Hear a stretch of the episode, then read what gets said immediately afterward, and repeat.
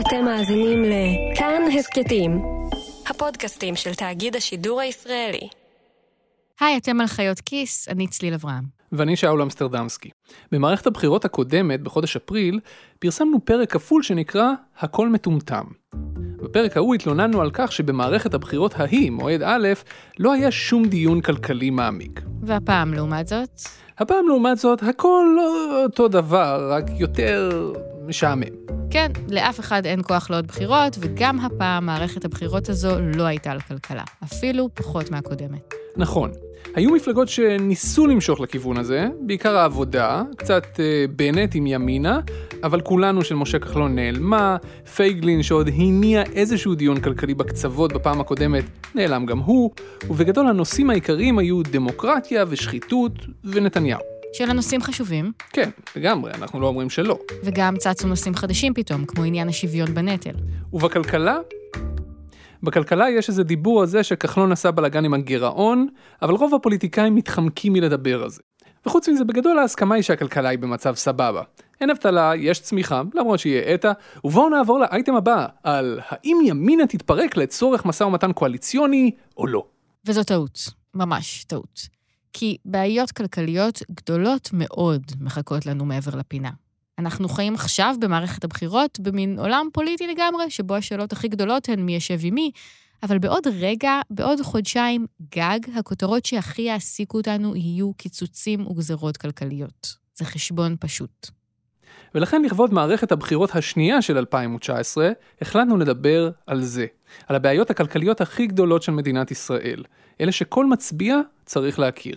שאלנו שישה כלכלנים בכירים, או באמת חמישה כלכלנים וגיאוגרפית חברתית אחת, מכל קצות הקשת הרעיונית, את השאלה הבאה: מה שלוש הבעיות הכלכליות הכי דחופות בישראל? ותשמעו, איך נגיד את זה? המצב שלנו לא משהו. לא משהו בכלל. קרנית פלוג, עד לאחרונה, בעצם כבר לא כך לאחרונה, נגידת בנק ישראל, עד לפני כמעט שנה.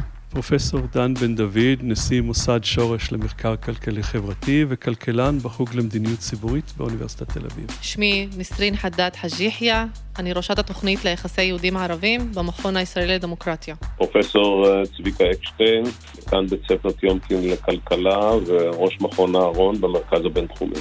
דוקטור מיכאל שראל, ראש פורום קהלת לכלכלה. יוסי זעירה, אני פרופסור לכלכלה באוניברסיטה העברית בירושלים. אני גם נשיא האגודה הישראלית לכלכלה. בנוסף לזה, פרסמתי לאחרונה ספר, כלכלת ישראל. אז השבוע בחיות כיס, הבעיות הכלכליות הכי גדולות של ישראל ב-2019. אלה הדברים שצריך לקחת בחשבון לפני שמצביעים. אלה הדברים שנבחרי הציבור שלנו חייבים לתת עליהם את הדעת, לפחות לפי דעתם של המומחים. ורק הערה קטנה לפני שאנחנו יוצאים לדרך, הגירעון, זה שמחכה לממשלה ביום שאחרי הבחירות, לא נכלל בבעיות שתשמעו עליהן בפרק הזה. הגירעון הוא דווקא כן בעיה ואפילו משמעותית, אבל הכלכלנים שדיברנו איתם הסכימו שעל אף הדחיפות לטפל בו, הוא לא מאיים עלינו בטווח הארוך. שם מחכות לנו בעיות גדולות הרבה יותר.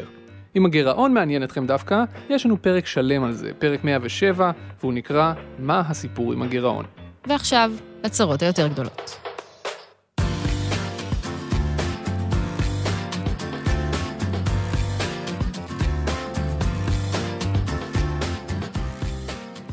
כשאנחנו מדברים על הבעיות הכלכליות הכי גדולות של ישראל, אנחנו מדברים קודם כל על בעיה. בעיה אחת ענקית. הבעיה הכלכלית הדחופה זה הפריון. אולי הבעיה העיקרית זה פריון נמוך יחסית. הבעיה הזאת היא גדולה והיא דחופה. פריון העבודה בישראל הוא הבעיה שדיברו עליה כל הכלכלנים שדיברנו איתם. חלקם הציגו שלוש בעיות, שכולן בעצם גורמים שונים לבעיית הפריון. המילה הזו, הפריון או פריון העבודה, היא אולי נשמעת כמו משהו נורא אקדמי ויבש, בניגוד לבעיות כמו יוקר המחיה או מצוקת הדיור, שישר ברורות לכולנו. אבל הפריון הוא כל מה שיש. זה כל מה שאנחנו מייצרים, כל מה שאנחנו עושים. בואו נסביר רגע מה זה בדיוק. תארו לכם שכל אחד מאיתנו היה לוקח הביתה בסוף החודש את כל מה שהוא ייצר בעבודה שלו, בלי להשאיר כלום למעסיק ובלי לשלם מיסים. כמה כסף זה היה יוצא? 42.7 דולר לשעה בממוצע. זה אולי נשמע הרבה, אבל האמת היא שזה בכלל לא. אנחנו מייצרים בכל שעה 24% פחות מממוצע מדינות ה-OECD, וזה כשאנחנו עובדים 10% יותר מהממוצע. במילים פשוטות, אנחנו עובדים ועובדים ומייצרים מעט. העבודה שלנו לא יעילה. וזה משפיע בעצם על הכל. כמו שאומרת פרופסור קרנית פלוג, עד לא מזמן נגידת בנק ישראל. בסופו של דבר, הפריון זה מה שמגדיר את רמת החיים שלנו. ברמה הכי מיידית, כשאנחנו מייצרים מעט, אנחנו מרוויחים מעט. או כמו שניסח את זה פרופסור דן בן דוד, מייסד ונשיא מכון המחקר שורש. אם אני לא מייצר הרבה בשעה, שזו הגדרה של פריון עבודה, אה, שכר שלי לא יכול להיות גבוה. אבל זה לא נגמר רק בזה. מי שהשכר שלו נמוך, משלם מעט מס הכנסה, אם בכלל. וכשחלק גדול מהאנשים משלמים מעט מס הכנסה, כולנו מקבלים פחות שירותים חברתיים. חברות שפריון העבודה בהן נמוך, נשארות בלי מספיק כסף לגדול ולהתפתח ולהשקיע בטכנולוגיות חדשות. וכשהפריון גדל לאט, אז אנחנו לא צומחים מהר מספיק, ונשארים מאחור ביחס למדינות אחרות. עם כל כמה שהיינו רוצים לחשוב על עצמנו כעל start-up nation, התוצר לנפש בישראל עדיין נמוך יותר מאשר בספרד, או בניו זילנד, או באיטליה, ומשמעותית נמוך מאשר במדינות כמו גרמניה, צרפת, ארצות הברית או מדינות סקנדינביה. הפריון הנמוך נשמע כמו דבר מופשט, אבל הוא נמצא בכל מקום סביבנו. הוא המדפסת המיושנת במקום העבודה שלנו, התוכנה הלא מספיק טובה שאנחנו צריכים לעבוד איתה, הפקק שאנחנו עומדים בו בדרך מפגישה לפגישה, והוא קשור גם למחירים היקרים בסופר ולתור הארוך בקופת החולים. בסופו של דבר, כמה אנחנו מייצרים, זה מה שקובע אם הכלכלה שלנו תדשדש במקום או תמריא. וכל עוד אנחנו מייצרים מעט, אנחנו נשארים הרחק מאחורי מדינות אחרות. זו הסיבה העיקרית שכשאנחנו מבקרים באחת ממדינות מערב אירופה או צפון אמריקה, אנחנו עדיין מרגישים קצת כאילו הגענו לעתיד. אבל זה לא רק הפער בינינו לבין מדינות אחרות, תשמעו מה עוד אומרת קרנית פלוג על הפריון. אנחנו שיאני המדינות המפותחות בפערים בין האוכלוסיות ובין התלמידים. אז זה בעצם במידה רבה מתרגם לרמת פריון נמוכה. כלומר, הפערים בפריון הם לא רק בינינו לבין שוודיה, הם גם בינינו לבין עצמנו, בין לוד לבין הרצליה. חלק מהישראלים חיים ברמה של מדינה מהמובילות בעולם, ואחרים ברמה נמוכה הרבה יותר. ישראל של מעלה וישראל של מטה. וספציפית, אם מסתכלים על פריון העבודה של עובדים בתחומי מחשוב, מידע, מחקר ופיתוח, כלומר בעיקר הייטק, אנחנו במצב טוב ביחס לעולם. אבל בענפים המסורתיים יותר, כמו מסחר או בינוי או מזון, אנחנו חלשים מאוד. ככה שהפערים אצלנו גדולים במיוחד. הפער הזה בין שני חלקי הכלכלה גם יוצר את פערי השכר, את העובדה שעובד הייטק בישראל מרוויח פי שניים וחצי מהשכר הממוצע במשק, פער גדול יותר מבכל מדינה מפותחת אחרת. אז הפריון הנמוך והפערים בפריון זו הבעיה הכי גדולה שלנו, על זה יש הסכמה מקיר לקיר. אבל למה זה קורה? הגורם הראשון שהכי הרבה כלכלנים הצביעו עליו הוא חינוך. מחצית מהילדים בישראל מקבלים השכלה של עולם שלישי, והם שייכים לחלקי האוכלוסייה שגדל הכי מהר. קו ישר נמתח בין בעיות הפריון לבין כל הצרות של מערכת החינוך הישראלית. בואו נתחיל מבית הספר. לפי נתוני OECD ולפי מה שידוע לכל אחד מכם, כי אתם חיים פה, ישראל נמצאת בתחתית הדירוג במבחני פיזה במתמטיקה, קריאה ומדעים. במקומות 37 עד 40 מתוך 70. אבל זה לא נגמר כאן. הציונים הנמוכים האלה מתרגמים לציונים נמוכים בסוג אחר של מבחנים. אלה מבחני מיומנויות בשוק העבודה למבוגרים, מבחנים שנקראים פיאק. מה שאנחנו רואים זה שהממוצע של התוצאות במבחנים הסטנדרטיים, גם במיומנויות המילוליות וגם במיומנויות הכמותיות וגם ביכולת בסביבה דיגיטלית, בכל הדברים האלה, הממוצע אצלנו נמוך מהממוצע במדינות המפותחות. כשבודקים את המיומנויות שלנו בשוק העבודה, ישראלים בכל קבוצות האוכלוסייה ומכל העשירונים, חוץ מהעשירון העליון, מפגרים אחרי המקבילים שלהם בחו"ל. אלה מבחנים מאוד חשובים, כי הם אומרים מה האיכות של ההשכלה שלנו, לפחות מהפן שמעניין את הכלכלה ואת שוק העבודה. אחוזי זכאות לבגרות ומספר בעלי תואר ראשון לא משנים את העובדה שהעובדים בעלי התעודות האלה הם פחות מיומנים מהמקבילים שלהם בחו"ל. והפיגור הכי גדול שלנו הוא בעשירונים האחרונים. עובדים עם מיומנויות נמוכות הם עובדים שלא יכולים לעבוד בעבודות מתקדמות, אלא רק בעבודות בשכר נמוך. וכיוון שהם מרוויחים שכר נמוך, הם גם לא משלמים כמעט מיסים, ומנגד צורכים הרבה שירותים ממשלתיים. כשמדברים על מעמד הביניים שסוחב על הגב של אוכלוסיות כאלה ואחרות, זה חלק מהסיפור. עובדים עם מיומנויות נמוכות זו גם בעיה שמשמרת את עצמה. כשיש למעסיק שפע של עובדים עם מיומנויות נמוכות, שאין להם אפשרויות תעסוקה טובות יותר, הם לא יכולים להתמקח על השכר שלהם כי אין להם לאן ללכת. אז הם ממשיכים לעבוד בשכר הנמוך. ואם יש לו תמיד מלאי של עובדים בשכר הנמוך שיבואו לעבוד, אין לו תמריץ להשקיע בשיפור וקידום הטכנולוגיה בעסק שלו. לבעל מסעדה אין צורך לקנות מדיח כלים כשהוא יכול להשיג שוטפי כלים בזול. לבעל מפעל במצב כזה אין סיבה להשקיע כסף במכונות מתקדמות שיעלו את העבודה. ולפעמים אפילו לא כדאי לו לעשות את זה, כי העובדים שלו לא ידעו להפעיל אותן. אז הוא ימשיך להעסיק עובדים בעלי השכלה נמוכה, בשכר מינימום. ולמרות שכמעט כל העשירונים מפגרים במיומנויות העבודה שלהם מול העולם, הפיגור גדול במיוחד בשני חלקים עיקריים באוכלוסייה. רבע מהילדים הם אה, דוברי ערבית. הממוצע שלהם במתמטיקה, מדע וקריאה הוא מתחת ל, לא רק לכל העולם המפותח, להרבה מדינות עולם שלישי, אפילו הילדים הערבים בישראל עם הישגים מתחת למרבית המדינות אה, המוסלמיות. אז זה רבע מהילדים, חמישית הם חרדים, הם רובם אפילו לא לומדים את החומר. זה כמעט חצי מהילדים, ואז אליהם תוסיף את הפריפריה הגיאוגרפית, החברתית בישראל. ערבים וחרדים אלה שתי בעיות שהרבה אוכלוסיות בישראל התרגלו לחשוב שהן לא הבעיה שלהן. אבל הנה, מסתבר שהן לב הבעיה הכלכלית והחברתית של כולם. גם על הנושא הזה יש קונצנזוס בין כלכלנים. הנה דוקטור מיכאל שראל, לשעבר הכלכלן הראשי במשרד האוצר, והיום ראש פורום קהלת לכלכלה. קשה מאוד לראות מצב שבו בנים חרדים בגיל 18 ו-20 מסיימים את לעבור דרך מערכת החינוך ומגיעים לשוק העבודה בלי שום כישורים שמתאימים לשוק העבודה המודרני. לא ידע במתמטיקה, לא במדעים, לא באנגלית. מאוד קשה להסתדר בלי הכישורים האלה. לפי נתוני מרכז המידע של הכנסת, בשנת 2018 רק כ-48% מהגברים החרדים עבדו, והשכר הממוצע שלהם היה 8,300 שקל, 60% פחות מהשכר הממוצע לגבר לא חרדי. כל עוד גברים חרדים לא ישתלבו במקצועות מתקדמים, הם לא ירוויחו שכר גבוה ולא ישלמו מיסים, והכלכלה שלנו כנראה לא תצמח מהר מספיק. רמת החיים של כולנו מושפעת מזה, וככל שזה תלוי בדמוגרפיה, ההשפעה הזאת תלך ותגבר. הם רק 7% מהמבוגרים, אבל הם 19% מהילדים. הנכדים של הילדים היום, הם יהיו 50% מהילדים בישראל. אז אם נראה לך קשה היום לעשות את זה, יהיה בלתי אפשרי בהמשך. זה לא הולך להפוך להיות יותר קל.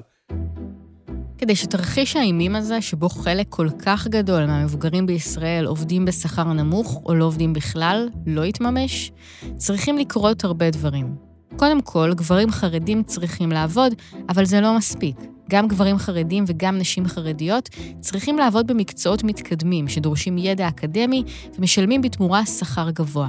אבל קשה מאוד לחרדים להתקבל ללימודים אקדמיים ולסיים אותם, ובתחום הזה כמעט שאין תזוזה. אז מה הקשר בין כל זה לבין הבחירות? דבר אחד אנחנו יכולים להגיד בעניין הזה, זו לא בעיה שתיפתר על ידי צווי גיוס. להפך, המלחמה על שוויון בנטל צבאי מחמירה את בעיית השוויון בנטל הכלכלי. כשצעירים חרדים צריכים להישאר בישיבה כדי לקבל פטור מהצבא, הם לא הולכים לעבוד ומושכים את כולנו איתם למטה. אתם יכולים לשמוע על זה עוד בפרק 106 של חיות כיס, החוק שלא גייס אף אחד. אז יש היום קצת יותר פוליטיקאים שמבינים את זה. עמיר פרץ התייחס לכך, וגם בנט ושקד פה ושם, אבל אף מפלגה לא הניפה את הנושא הזה כדגל. לא המפלגות החילוניות, וגם לא המפלגות החרדיות, שזה דבר שנראה לנו הגיוני, אבל הוא בעצם לא. ואם רוצים את הסיפור בעיניי הכלכלי העיקרי, זה זה. כלומר, הדמוגרפיה היא כזו שאנחנו חייבים להתעשת, יש לנו מועד ב' בעוד שבוע. זה הסיפור שלנו, רוב הישראלים, בין אם הם ימין, מרכז או שמאל, הם חפצי חיים, הם רוצים שהמדינה תצליח.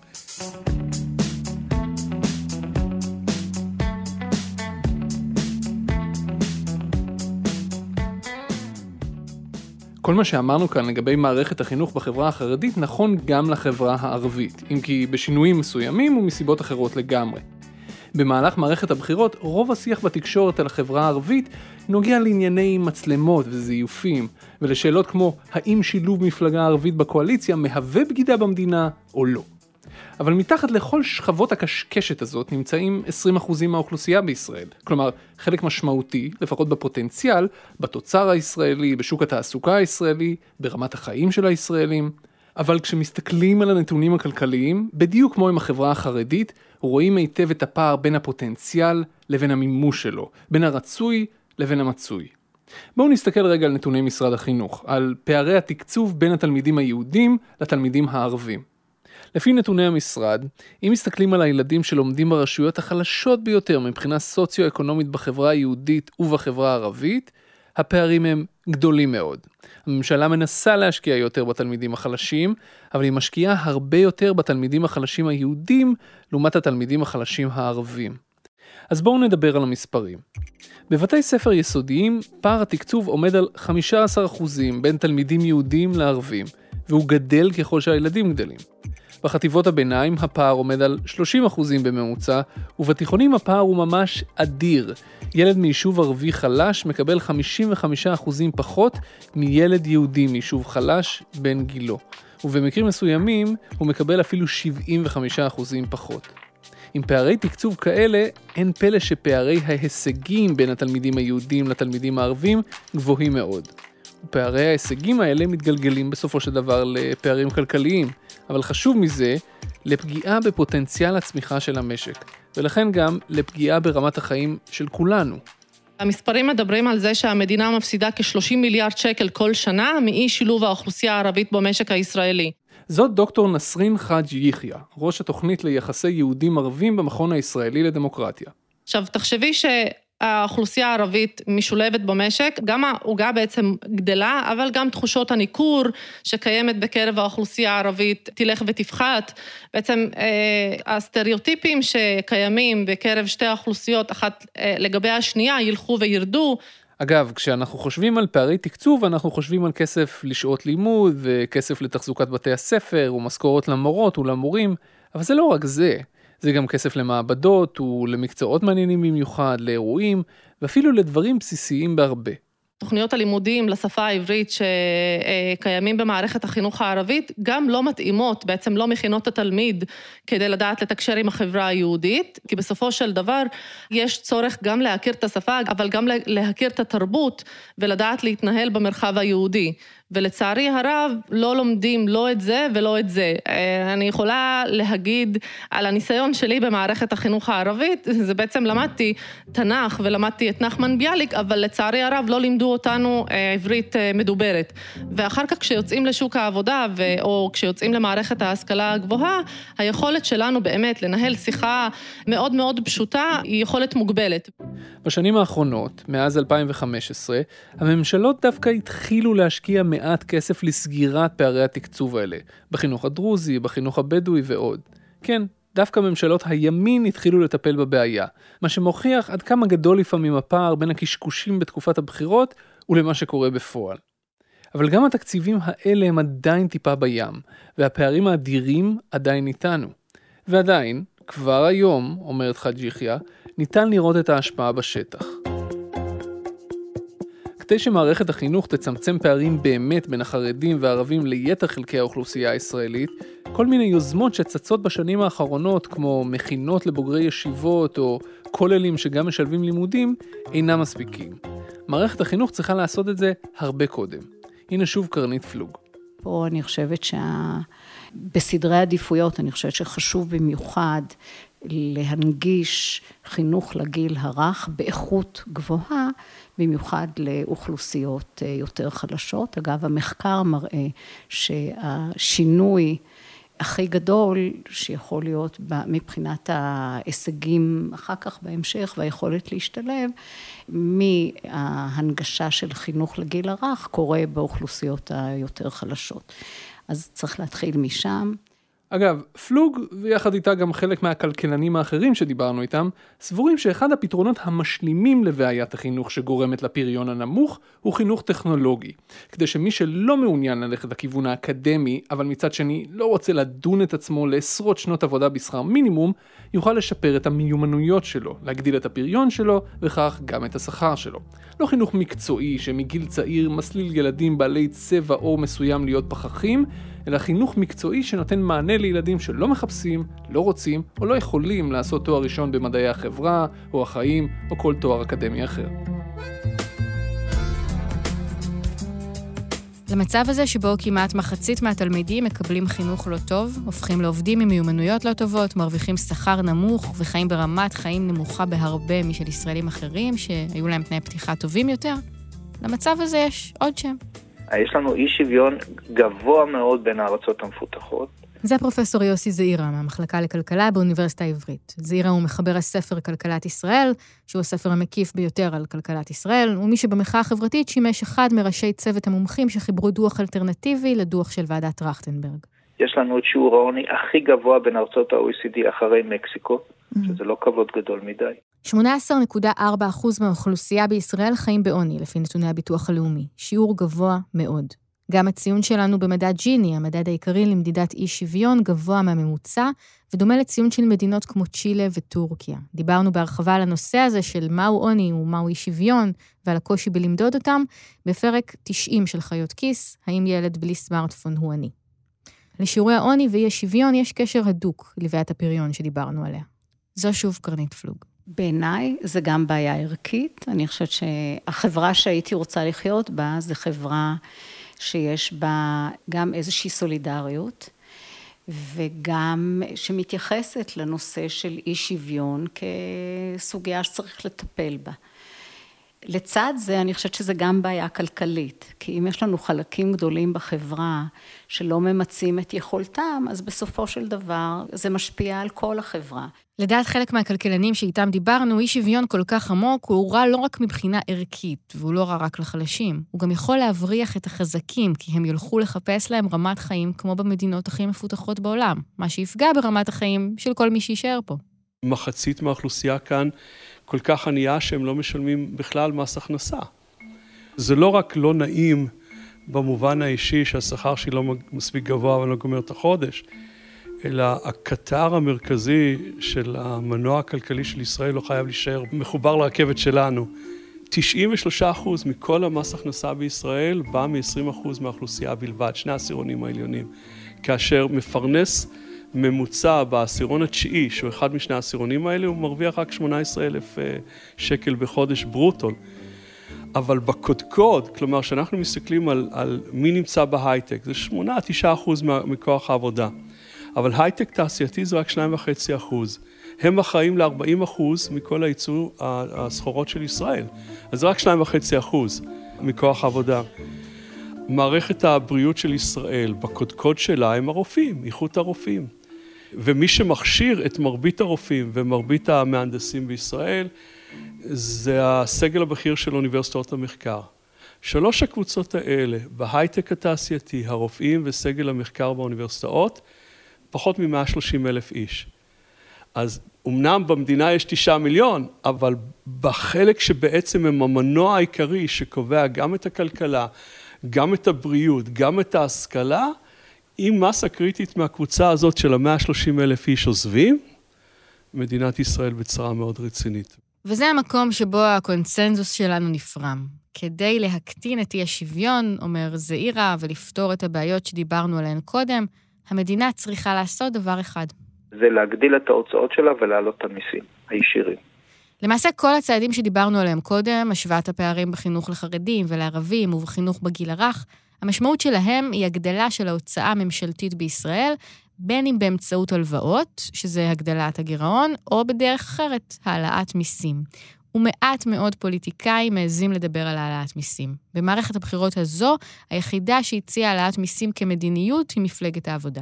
אנשים אומרים, הציבור נגד העלאת מיסים. הציבור לא נגד העלאת מיסים. הציבור מבין יפה מאוד שאת רוב הנטל המס הזה הוא ייפול על מי שיכול לשלם. ואני לא בטוח שחלקם גם לא מעוניינים לשלם. אם הם היו יודעים בוודאות שהכסף הזה לא ילך להתנחלויות ולא ילך לשחיתויות, אלא ילך להגדלת השירותים החברתיים. אבל פה אני רוצה לעצור לרגע. לא כולם חושבים שהפתרון לבעיה הזאת של מיומנויות נמוכות ופריון נמוך הוא להשקיע עוד כסף במערכת החינוך. זה אולי נשמע כמו הדבר הברור מאליו לעשות, להשקיע יותר, אבל האמת שיש סיבה די טובה לפקפק ברעיון הזה. בעשור האחרון מדינת ישראל כבר הגדילה מאוד את ההשקעה שלה בחינוך, אבל ההישגים לא עלו. הנה דוקטור מיכאל שראל. מה שעשו בעשור האחרון בתחום הבריאות ואולי גם במידה רבה בתחום החינוך, הגדילו מאוד את התקציבים, רוב התקציב הזה הלך לכוח אדם ולתוספות שכר, מבלי ללוות את התוספת ברפורמות, לא בתחרות, לא ברמת השירות לציבור. אז האם הפתרון הוא לא לעשות כלום? לדעתי לא. לדעתי אפשר לשפר את מערכת החינוך בלי לשפוך עליה עוד כסף. מאחר שתקציב החינוך היום הוא הגדול ביותר, יחד עם תקציב הביטחון, ומאחר שהחינוך הוא שורש בעיית הפריון, נדמה לי שהגיע הזמן לוועדה חדשה שתעשה בדיקה מקיפה, הכי מקיפה שאפשר, על מערכת החינוך הישראלית ועל האופן שבו היא מנצלת יותר מ-60 מיליארד שקל בשנה מכספי משלם המיסים, ותמליץ כיצד לרענן אותה ולהתאים אותה למאה ה-21. אולי צריך לשבור את המטה המנופח של משרד החינוך שעולה כמה מיליארדים לבדו, אולי לתת אוטונומיה תקציבית למנהלי בתי הספר, אולי לחלק שוברים להורים. אני לא יודע, יש המון רעיונות. ואחר כך, אחרי ועדה כזו, אם יתברר שיש קונצנזוס מקיר לקיר שבמערכת חסר כסף, אז אפשר לשקול להוסיף.